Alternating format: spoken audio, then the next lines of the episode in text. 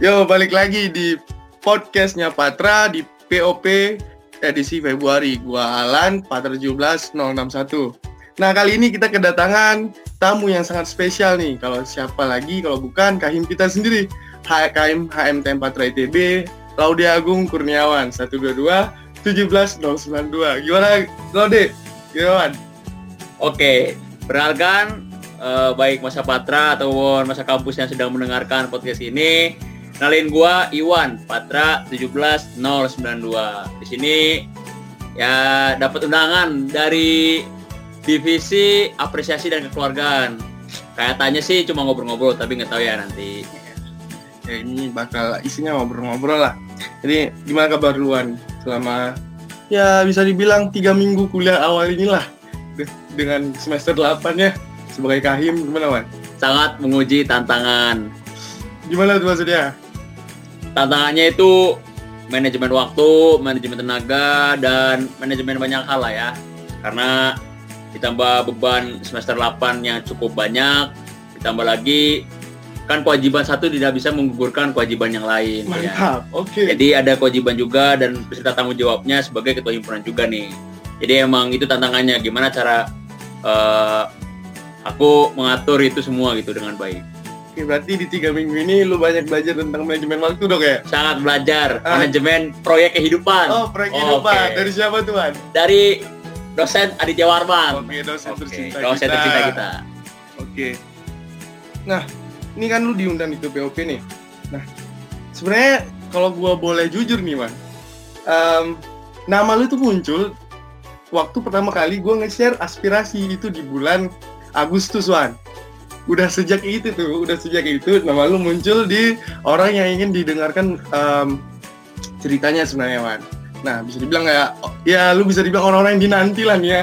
Makanya ini gue simpan di terakhir makanya gitu sebagai kahim AMTM 4 ITB kan. Boleh sekali. Oke. Nah, jadi eh, ada nih salah satu teman kita nih yang ngisi aspirasi ya. Dia milih Iwan. Alasannya Wan, tau nggak kenapa? Coba lu tebak dulu deh. Kenapa tuh? Ya, coba tebak dulu kenapa tuh. Mungkin ya, mungkin lu sebagai kahim atau orang lu pen- or- sebagai orang penting. Coba tebak. Menurut lu, lu eh, pengen di pengen didengar karena apa sih? Karena mungkin ini ya mungkin agak refleksi ya. Mungkin karena banyak cacatnya lah ya ketika Iwan memimpin Patra ataupun yang mendengar ingin mendengarkan banyak evaluasi yang ada lah tentang Patra mungkin ya Oke. ataupun ya kalau Boleh. misalnya ada yang mau tahu tentang kisah hidup ya boleh-boleh aja apalagi kalau mau kisah as- asmara juga Oh, ya boleh, boleh. tapi jangan lah ya jangan Menarik gitu sih buat dibahas nanti Wan. podcastnya terlalu lama nanti Boleh, Wan, boleh, boleh. Oke, oke. lima jam nanti Boleh. Nah, sebenarnya ini Wan, em, bener kayak lu bilang orang tuh pengen denger kisah hidup lu nih. Ini gue bacain aja dulu ya. Nah, ini ada dari temen kita, salah satu anggota HMTM 4 TB. Dia nulis alasannya, ya doi, Iwan, perjalanan dari TPB berat Wan. sangat berat Nom, eh, TPB bisa dibilang sedikit dibully di angkatan. Masuk nominasi ternggak jelas FTTM, sampai akhirnya jadi kahim. Sekarang mantep banget kayaknya. Kalau doi sharing. Nah, emang bener Wan, perjalanan dari TPB lu berat Wan? Sering dibully, eh ya gue gue inget juga sih pas dulu kita acara angkatan lu masuk ke FTTM tergak jelas kan? oke ngaku ya, Ya, gua ngaku gua gua, gua eh, pengen nanya dulu deh perasaan lu ketika lu dapet FTTM tergak jelas itu. oke seneng kah atau apa yang lu rasain sih sebenarnya? Kan itu bukan nominasi yang bisa dibilang nominasi eh, kalau sekarang ter ter PM ter ini keren gitu ya. Ini kan tergak jelas gitu ya. Oh Nah, itu gimana tuh eh, perasaan lu? Jujur kalau dari gua perasaannya bercampur aduk sih di situ. Ada senangnya senangnya tuh ya gue bisa membahagiakan kawan-kawan gua gitu kan. Hmm. tapi di situ sedihnya mungkin ya karena gue di situ masih berpikiran sempit akhirnya gua memikirkan bahwa ya mungkin eh, gua adalah seorang yang eh, mungkin bukan dianggap ya tapi eh, toksik lah ya buat angkatan. Sampai mungkin itu jadi evaluasi gua kayaknya ada yang harus diubah dari diri gua gitu waktu gua zaman TPP gitu Wal. wah itu itu adalah curahan hati Iwan ya, ya ketika dia mendapatkan eh, nominasi itu ya Wan ya berarti ya? Iya, Nah, em, kalau boleh tahu nih, emang eh, di TPB lu perjalanannya kata berat, itu benar kan berarti ya? Oh berat sekali. Nah, kalau boleh tahu eh, cerita dong sedikit tuh beratnya di mana gitu-gitulah. Beratnya itu ini sih penempatan diri lah ya. Jadi itu kesulitan gue waktu awal ya akhirnya itu yang menyebabkan mungkin orang-orang agak risih juga gitu. Gitulah. Itu kalau zaman gue dulu ya. Itu paling. Secara Nah. singkat gitu. Secara singkat. Secara Nah, singkat. Ya, secara singkat oke lu buat orang risih nah ketika lu ngebuat orang risih nih ya apa sih yang bakal lu lakuin ke, ke orang-orang itu? Treatment apa yang bisa lu lakuin ke orang-orang itu biar lu tetap strong gitu? Gua lihat dari luar nih ya. Lu tetap happy di kelas jalan-jalan tetap main bergaul sama orang-orang yang Tetap ada kan. resilient. ya. Tetap apa tangguh. sih kuncian biar lu bisa kayak gituan sebenarnya? Gue sebagai sebagai orang yang melihat tuh gue sebenarnya kagum gitu. Ada orang yang uh, tahan cacian tahan banting lah bisa gue bilang tahan banting banget hati luan nah gue pengen tahu lah kasih tips lah buat kita kita nih ya yang pendengar POP gimana sih apa kuncinya gitu yang lu pikirin mungkin buat orang-orang yang menganggap lu seperti itu gitu Oke, kalau dari gua tipsnya, gue sih sebenarnya dulu sampai sekarang lah ya, gua masih memegang prinsip eh, kalaupun lu nggak disukai orang, seenggaknya lu harus bisa berbuat baik untuk setiap orang gitu. Jadi siapa pun orangnya, emang lu harus berbuat baik. Eh, baik lu suka atau nggak suka, ya tetap aja eh, lu punya kewajiban untuk berbuat baik pada orang itu. Namun, oke lah, itu dari sudut pandang eh, kita lah ya sebagai orangnya. Eh, namun di sini ya kita harus juga memperhatikan kondisi dari orang tersebut. Kita harus bisa memperhatikan dan mengerti apakah orang ini juga nyaman dengan gua atau kayak gimana. Nah, maka dari itu sebenarnya ya bagaimana caranya kita terima banyak evaluasi lah ya. Kita harus bisa gampang mengkritik, ah, bukan gampang mengkritik, tapi gampang dikritik lah. Gampang dikritik dan ya kita terima, jangan denial gitu. Karena sudut pandang orang mungkin berbeda gitu. Gitu sih paling. Oh ya, yang paling penting uh, masukan emang ketika itu masukan itu benar, ya berubah lah gitu tanpa menghilangkan eh, warna diri lu gitu karena ya setiap orang punya warna dan setiap orang tuh punya ciri khasnya masing-masing namun jangan sampai ciri khasnya itu bisa membuat orang lain tuh merasa terganggu atau merasa risih lah ketika berada di sekitar kita gitu paling kalau secara, secara singkatnya Oke, gue setuju banget sih sama kalimat pertama yang lu bilang kita harus buat baik sama setiap orang ya, mana Boleh. siapa pun itu kan. Gue pernah dengar tuh kata-kata dari eh, salah satu alumni kita ya, Bang Dorman gitu, Bang Dorman dia pernah ngomong ya buat baiklah sama siapa pun kita kan nggak bakal tahu bakal kalau di depan kita mungkin bakal berurusan lagi sama dia mungkin dia eh, orang eh, atasan kita bisa jadi ya Tuhan ya bisa Yoi. jadi atasan kita ya ya bisa jadi dia eh, dia ngebantu kita kan ya nah eh, di perjalanan lu di KMITB di di TB lah bisa dibilang setelah lulus dari TBB lu ngikutin eh, sekolah-sekolah lah sekolah-sekolah bisa jadi akhirnya jadi korlap OSKM dan sekarang jadi Kahim Patra lu ngelihat diri lu sekarang itu kayak gimana sih Wan? Apa ada perubahan atau kayak gimana? Oke, izin jawab ya kalau misalnya masalah perubahan jelas yang gua rasain ketika di akhir mungkin banyak perubahan lah yang ada gitu kan. Cuman perubahan-perubahan ini emang nggak diekspektasikan di awal gitu ketika ketika kita menginginkan suatu tujuan ya tujuan itu yang ingin kita capai tanpa uh, kita memikirkan dampak apa yang kita bisa dapatkan ya uh, dari perubahan itu.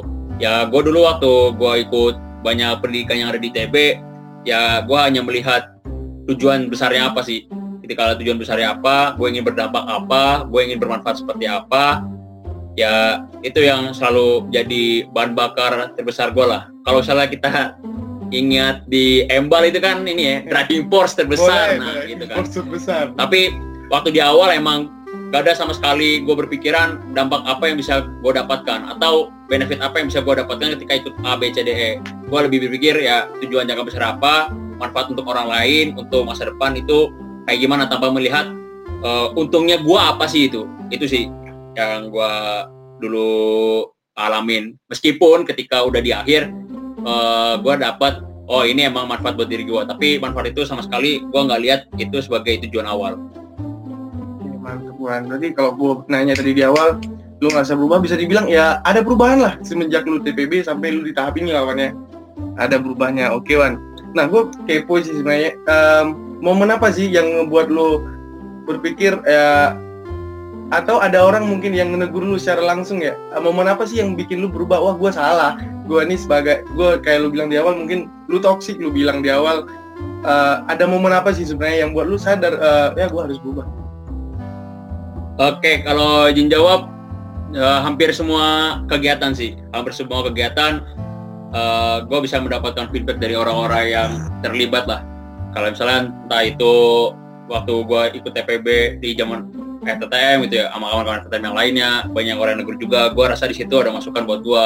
Begitu buat gua- waktu gue ikut eh, Panlab sudah pada sudah April 2018 terus ikut sekolah mentor juga gue dapat masukan banyak terus dap- waktu sekolah perangkat juga Eh, ketika di Patra pun ya ketika di ada di himpunan ini ya gue mendapat banyak masukan dan ya bagaimana caranya kita bisa saling menerima lah. Saling menerima dan saling berubah ya untuk saling mentoleransi satu sama lain itu.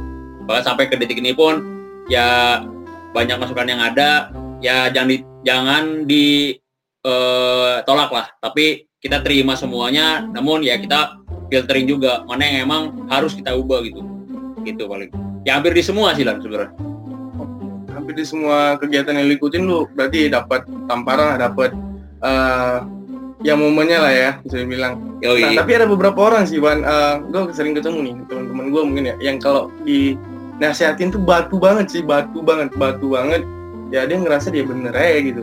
Ya kalau bisa dibilang, ya gue bener dengan tindakan yang gue lakuin sekarang, ya itu bener. Entah entah orang mau bilang apa, ya gue nganggap hal yang gue lakuin itu bener. Lu pandangan lu tentang orang-orang kayak gitu gimana sih?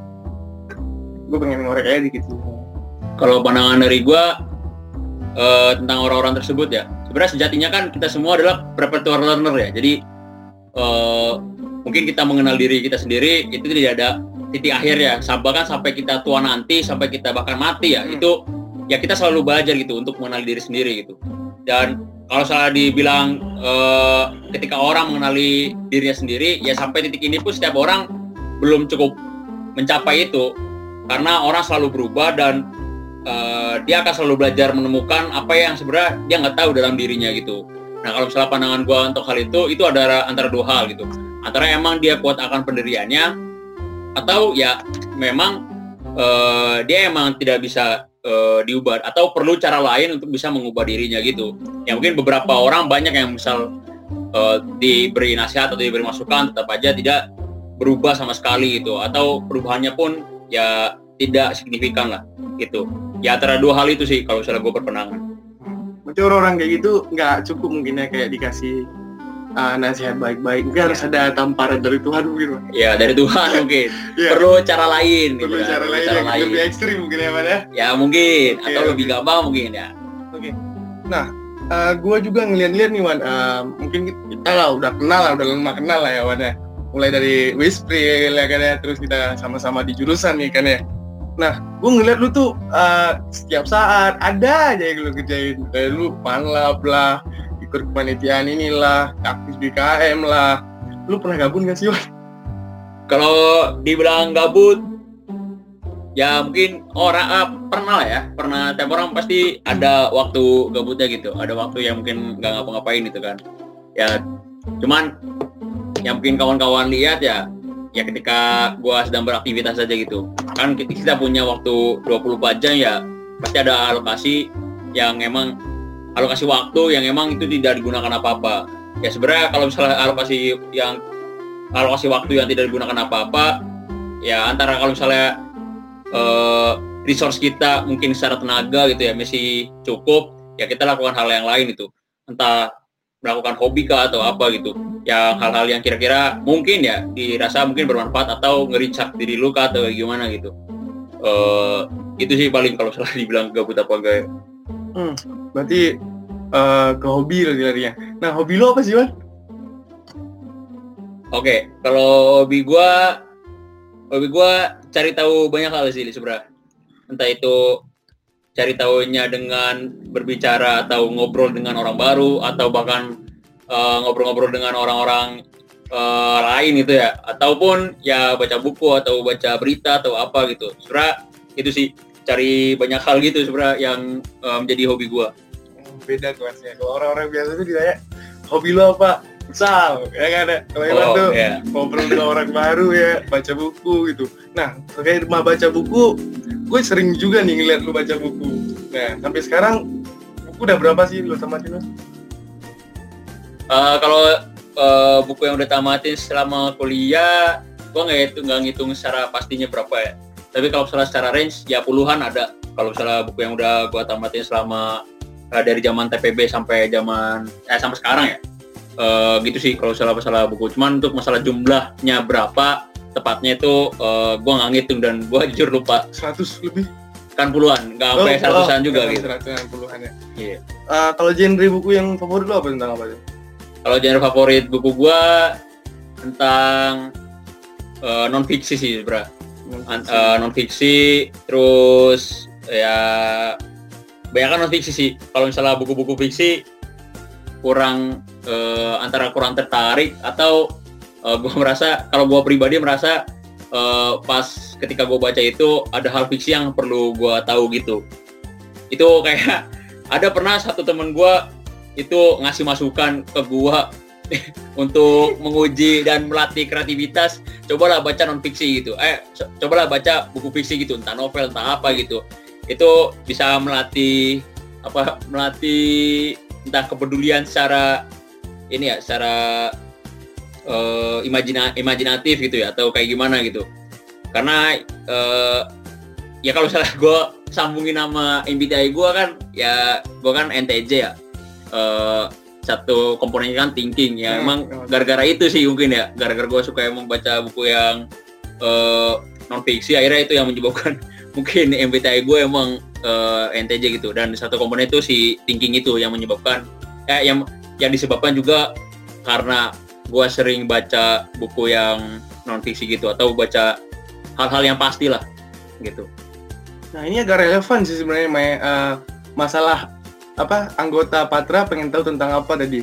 Nah lu tuh lu bilang lu thinking ya, lu bilang thinking. Nah ketika ada orang-orang ngejudge lu tadi, lu ber- berpikir lu thinking wah lu harus berubah bla bla. Tapi kalau orang yang mainnya perasaan, nah feeling nih bisa jadi dia ngedrop gitu ya nggak kan? Betul ya? ya Nah itu mungkin salah oh, satu mungkin ya salah satu uh, positifnya di orang-orang thinking ya thinking Oh, kalau iya. lu terlalu feeling juga bahaya sebenarnya kalau ada orang yang rendahin lu bla bla bla lah kalau lu feelingnya terlalu gede dibandingkan thinkingnya ya itu bisa jadi pengganggu buat lu ya nggak sih ya?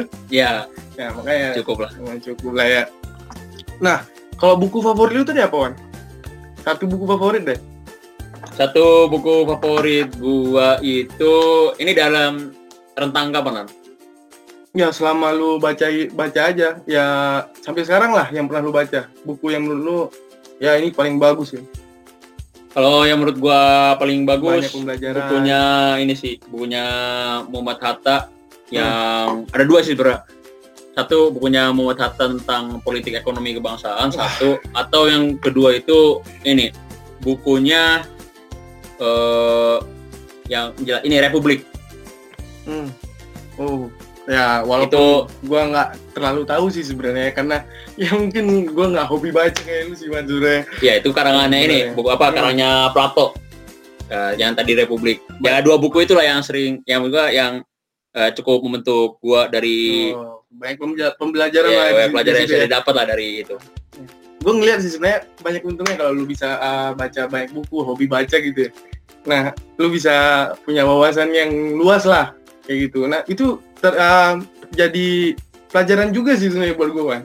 Nah, karena gue tuh orangnya kan nggak terlalu suka baca ya dari dari uh, kecil lah. Karena nggak emang nggak dibiasakan untuk membaca kayak gitu kecuali matkul pelajaran karena itu wajib kawan nah itu berbeda kasus ya. Nah gua yang ngerasa sih sebenarnya kalau uh, orang-orang yang baca buku tuh wawasannya emang luas banget sih. Gua ngeliat lu gimana di lingkungan gimana uh, lu berpikir gitu ya. Ya lu mau berpikir secara luas gitu nah itu ya maksud gua ya kelihatan lah orang-orang yang uh, suka baca buku ataupun yang enggak gitu kelihatan memang sih sebenarnya. Nah, terus em, selama ini kan lu ngahim nih Wan, ngahim, ngahim udah berapa lama sih Wan? Dari April? Dari April, Dari April, April. Mei, Juni, eh, 10 lah, Juli, 10 bulan ya. Agustus, September, Oktober, November, Desember, Januari, Februari lah. 10 bulan lah ya, udah 10 bulan, 10, jalan ya. 10 bulan ya, jalan 10 bulan. udah ngahim udah lama banget dong. Nah, ada pengalaman yang paling berkesan nggak sih selama ngahim? Yang paling menyenangkan lah yang selama lu ngahim. Kalau dibilang Atau menyenangkan kan itu gitu. relatif ya. Tapi kalau misalnya emang berkesan, eh, kalau misalnya gue berani bilang, ketika ini sih, kalau misalnya kesan-kesan ini ya, kesan yang menampar banget, ya pas kita, ba- maksud gue kami gitu ya, kami mau eh, naik jadi pengurus di Patra dan di situ menyadari bahwa eh, kita kondisinya daring itu cukup menampar sih akhirnya ya mungkin banyak gitu mimpi-mimpi dari eh, badan kelengkapan atau badan pengurus di Patra atau masa Patra itu sendiri Hmm. itu banyak yang mungkin runtuh lah ya mungkin hilang atau eh, merasa kecewa atau merasa putus asa. Nah itu sebenarnya cukup menampar dan cukup menguji sih di situ. Itu yang kata gua cukup eh, membuat memutar otak banyak lah di situ. Dan gimana caranya kita mencapai tujuan tapi dengan kondisi yang berbeda yang bahkan gue pun belum pernah ngalamin ini teman-teman gue pun belum pernah ngalamin itu. Kita misal eh, berinteraksi secara online ataupun berkegiatan secara online ataupun juga eh, menjadi pengurus ketika online itu benar-benar ya cukup banyak memberikan pelajaran itu kalau misalnya kesannya yang cukup berat ya. Tapi kalau misalnya ya agak menyenangkan dikit gue jujur terharu waktu pelantikannya Pansa Rafaka itu Patra 19 itu gue jujur cukup terharu gue kedatangan keluarga yang baru gue kedatangan kawan-kawan baru eh kasarnya tuh Patra lahir kembali gitu. Di katanya tuh ya katanya eh, sekitar 90-an bambu-bambu yang akan tumbuh gitu itu gue rasa ada harapan baru himpunan ini akan tetap besar dan tetap kuat di kemudian zaman di bawah orang-orang ini gitu di masa-masa selanjutnya gitu sih Bener sih. gue setuju sama lu eh, yang kalau online ini emang harus banyak persiapan gitu ya.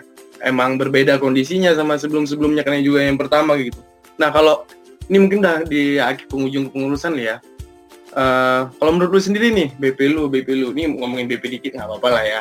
Nah BP lu nih, BP lu sebagai lu sebagai ketua BP eh, menjalankan pengurusan di kala online itu udah sukses apa sih Wan?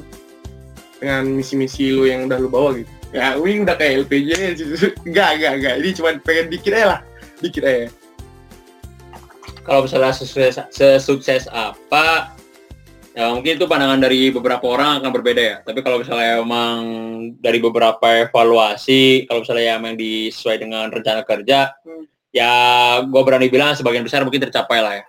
Eh, tapi eh, namanya juga ketika eksekusi pasti ada suatu hal yang membuat itu eh, kurang kurang berhasil gitu. Nggak terlalu berhasil kan. Nah itu kan mungkin banyak faktornya gitu kan mungkin ada faktor kejenuhan masa, ada faktor juga capek juga gitu. Kita banyak tugas dan kita belum bisa manage dengan baik. Kalau misalnya eh, dibilang gitu ya mungkin nggak 100% penuh.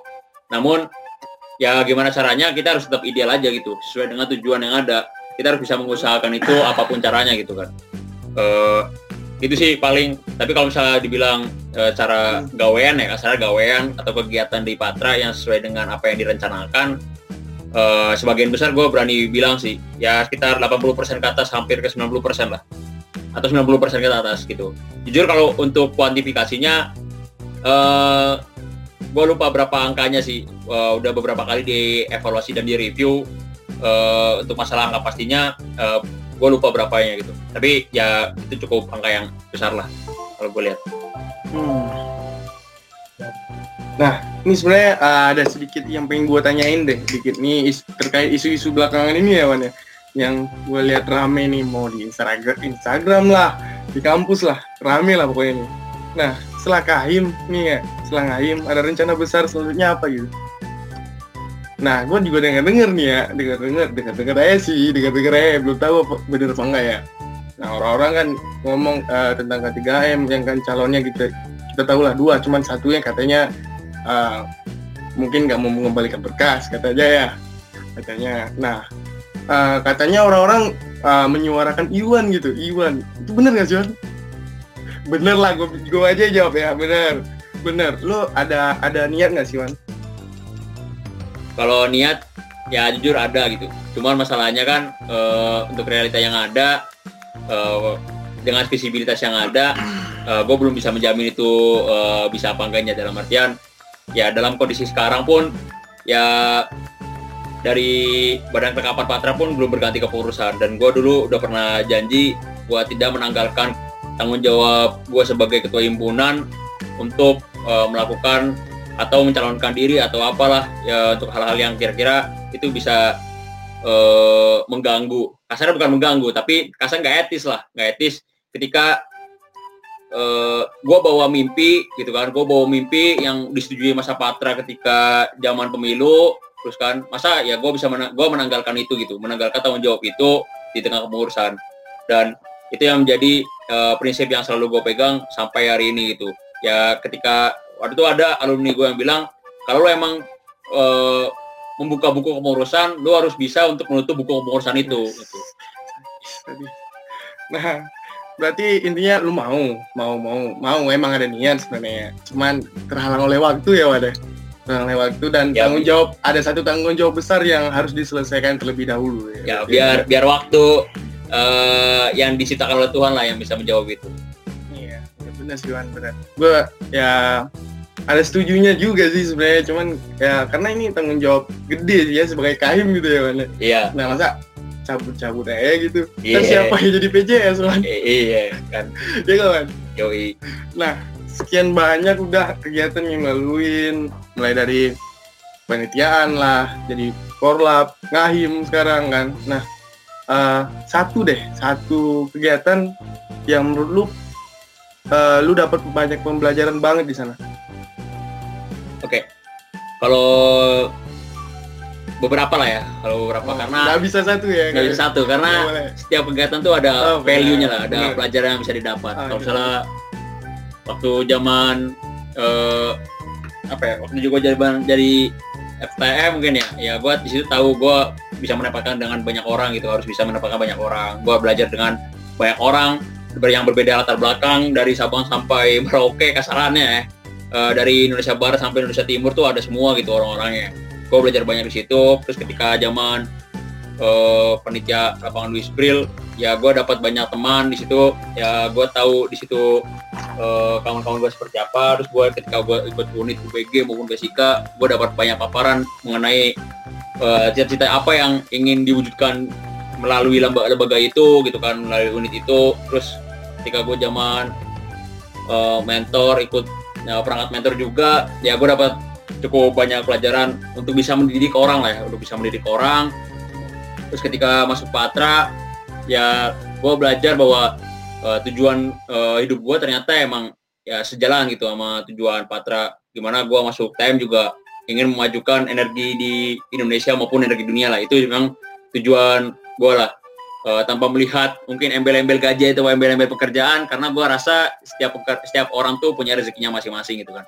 Terus ketika zaman ya ngorlap gue situ belajar tentang banyak latar belakang dari ITB dan pergerakan-pergerakan apa yang harus disela- diselaraskan dan apa yang harus bisa dikolaborasikan gitu. Gue bertanggung jawab sebagai motornya kasarannya Di zaman ngahim sih cukup banyak pelajaran ya karena di situ gue berarti jadi pemimpin gue diuji oleh masa patra diuji oleh banyak tantangan dan rintangan bahkan sampai pernah dirawat inap gitu ya di Iya, Pas mau Eh, dirawat inap sampai saking covid. saking kolapsnya dikira covid sama dokternya gitu kan. Iya, ya cukup banyak pelajaran lah. Sampai bahkan sampai sekarang jadi kain pun banyak pelajaran lah yang bisa gua petik. Gimana ya gua bisa eh, jadi orang yang kasarannya mungkin bisa dibilang harus jadi orang yang ideal gitu untuk eh, Patra. Yang bisa paling merepresentasikan tujuan Patra itu ke mana arah yang dibawa ke mana. Eh, jadi kasarannya harus orang yang mau eh, berkorban untuk orang-orang lain itu tanpa melihat keuntungan apa sih yang bisa lu dapat gitu. Itu benar jujur waktu awal gua ngayu memang itu nggak sama sekali gua lihat sih sebenarnya jadi emang gua tujuan awal ngayu memang ya eh, bukan tujuan tapi eh, emang niatannya ya untuk orang lain tuh. Tapi benar-benar gua nggak melihat apa sih yang bisa gua dapatkan dari sini. Gua berjujur nggak lihat itu sama sekali meskipun gua di akhir ini ya gua dapat lah eh, dan bisa menginterpretasikan gue dapat apanya gitu karena ya itu kan bergantung sama bagaimana kita eh, perform lah ya perform ketika eh, bersama BP-BP yang lain atau BK yang lain itu dan masa yang lain gitu Hmm. Segudang pengalaman ya. Sejuta pengalaman banyak banget sih kalau lu rinci dari awal itu itu berpengaruh banget katanya buat lu ya Wan ya. Tapi kalau tetap kalau gue minta sebut satu nggak bisa ya Wan ya. nggak bisa Zura karena punya value-value yang beda-beda. Oke boleh boleh. Oke oke Wan. Eh, terakhir nih Wan terakhir. Karena udah cukup lama lah ya kita ngobrol ya Wan ya. Mungkin satu dulu satu gue tanya. Em, ada pesan nggak sih buat eh, penulis-penulis lu di himpunan nih? Di himpunan terutama ya di HMT Patra dulu lah di HMT Patra ITB ada nggak sih yang lu nyampein? Mungkin ya bisa disampaikan lewat podcast ini mungkin ntar lu sampein lagi di LPG Oke, izin jawab kalau dari gua berpendapat kalau pesan untuk Patra, sebenarnya ingat sih tujuan Patra itu ke mana. Jangan eh, membatasi diri dalam berinovasi, jangan membatasi diri dalam melakukan banyak hal asal itu sesuai tujuan itu ya sesuai dengan eh, demand ya, demand kebutuhan. Ketika emang itu sesuai tujuan ya laksanakan laksanakan aja gitu kan. Terus eh, masalah yang yang lainnya juga ya sering-sering inilah sering-sering mencari tahu sering-sering banyak eh, belajar dari pendahulu-pendahulu terus juga sering eh, tahu lah knowledge-knowledge yang dari dulu tuh udah mencapai apa sih gitu kan. Terus kalau misalnya eh, kita melakukan kita bertemu dengan masalah yang sama ya kita sebenarnya dulu udah pernah mengalami itu dan eh, cobalah belajar banyak hal gitu dari si mereka gitu dari pendahulu-pendahulu kita. Terus kita harus juga belajar tentang lingkungan-lingkungan kita gitu kan. Dunia mengarah ke mana sih? Masa mengarah ke mana juga gitu. Kalau misalnya emang sesuai tujuan ya laksanakan laksanakan aja gitu. Kalau misalnya itu emang yang dibutuhkan gitu. Ya tadi asal sesuai dengan tujuan. Yang selanjutnya ini sih partner yang emang responsif juga gitu. Akan perubahan-perubahan yang terjadi. Terus eh, pesannya lagi ya berdayakan lah berdayakan eh, sumber daya yang ada resource yang ada entah itu masanya entah itu eh, BP-nya atau BK-nya gitu kan. Atau juga secara waktu kepengurusan ya perform sebaik-baiknya lah. Terus selanjutnya lagi ya kolaborasi lah. Kalau misalnya emang ada masalah yang sama ada hal yang perlu dilakukan bersama karena ya dengan kita kolaborasi kan kita menggampang bukan menggampangkan tapi meringankan beban kita workload kita juga semakin ringan. Ya kita cari kawan lah untuk bisa menyelesaikan itu. Karena ya gak enak juga kalau misalnya emang satu masalah yang sama cuma kita yang bisa menyelesaikan tapi kita nggak bagi-bagi itu ya kalau kita bisa bagi-bagi dan kita bisa mengerjakan bersama ya kerjakan bersama aja gitu. Itu sih kalau secara singkatnya. Nah itu pesan buat penulis-penulis di Patra lah ya. Nah sebenarnya ada ketinggalan sih ketinggalan banget nih. Harusnya sebelum itu sih gue tanyain. Nah eh, lu kan aktif banget nih di kampus nih ya kan ya? Aktif banget di kampus. Nah gue kepo aja sih sebenarnya di luar kampus lu punya kegiatan nggak Juan? Kalau ini berarti ini aja ya eh, konteksnya di luar kampus. Berarti benar-benar di luar ITB ya? Iya luar baik itu akademik maupun non akademik ya. benar boleh Kalau misalnya di luar kampus eh, ada sih paling. Itu ya cari-cari kursus gitu. Itu yang eh, waktu awal-awal gua ngahim tuh gua sering mencari itu kalau di luar kampus ya. Itu ikut kursus karena ya kalau kata di Hajar Dewantara kan setiap tempat itu adalah sekolah gitu kan. Jadi sekolah kita bukan hanya ITB itu dan sekolah kita bahkan kehidupan nyata pun itu sekolah kan. Dan kalau misalnya kegiatan-kegiatan itu ya gue paling eh, ngelatih skill gue pribadi sih karena ya setiap orang harus bisa mengembangkan dirinya kan. Dan mas gue mengembangkan dirinya apalagi salah satu orientasi dari organisasi kemahasiswaan kan eh, menjadi poda pengembangan diri kan. Nah masalahnya ketika emang di sini gue menjadi kahim ya gue harus bisa mencari pengembangan diri yang banyak juga gitu. Dan bisa menyebarkan ke orang lain kalau misalnya itu eh, bisa bermanfaat untuk orang lain itu sih kalau misalnya apa eh, kegiatan gua di luar kampus. Sisanya sih eh, banyak dialokasikan untuk kegiatan kampus. Baik itu eh, akademik non akademik ataupun di dalam patra atau di luar patra sih. Gitu. Gue suka nih orang-orang yang haus akan ilmu kan terus belajar ya Wan? Terus belajar. Oke oke, ini terakhir banget, ini terakhir gue janji Wan. Ini ada, kan tadi kita intinya podcast ini kan orang-orang pengen denger nih ya tentang uh, kilas balik lu ketika TPB perjuangannya ya, ya kan Wan ya. Nah, ini ada gue pengen nanya sih, eh, pengen lu ngasih satu pesan nih buat orang-orang yang mungkin dulunya, eh, yang sekarang bernasib sama sama lu yang dulu gitu. Ketika uh, dia pengen berkembang, dia pengen belajar banyak, tapi lingkungannya, lingkungannya nggak mendukung Wan, nggak mendukung ya bisa jadi nggak mendukung dalam tanda kutip, bisa jadi kayak kondisi lu dulu, orang menganggap lu uh, aneh lah, freak lah, itulah, atau apa pun lah yang uh, konotasinya buruk ya. Nah, lu ada pesan nggak sih buat orang-orang yang kayak gitu, yang mau banget belajar tapi terhalang akan kondisi yang seperti itu kan? Oh, kalau gue izin jawab, eh, banyak cara sih.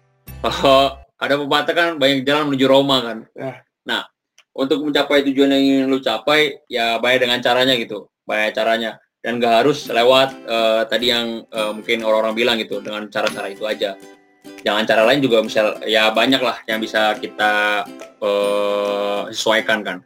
Kalau misalnya itu emang sesuai dengan tujuan kalian masing-masing, tapi kalau misalnya emang gak sesuai dengan tujuan, ya bebas lah eh, tergantung kalian masing-masing berkembangnya di mana gitu jangan sampai kita membatasi diri karena lingkungan pun nggak menerima kita gitu kan dan yang eh, gua tekanin juga eh, gimana caranya ya kalau misalnya kan ini ya kita kan orang yang ini ya orang yang eh, haus akan pendidikan itu sedangkan pendidikan itu ada untuk bisa membebaskan manusia dalam hidup dan eh, dalam hidup eh, dan memilih gitu kan dan sebenarnya kita dis- disediakan banyak pilihan itu. Bahkan ketika masuk Patra, ketika Patra pun menolak ya banyak cara untuk mencapai tujuan. Kalau misalnya emang Patra bukan pilihan itu, ya kita benar-benar sukarela gitu, nggak semua Patra. Bahkan semua wadah, semua lingkungan ya itu merupakan pilihan kita. Kita kasarannya manusia yang merdeka lah untuk menentukan nasib kita sendiri. Gitu.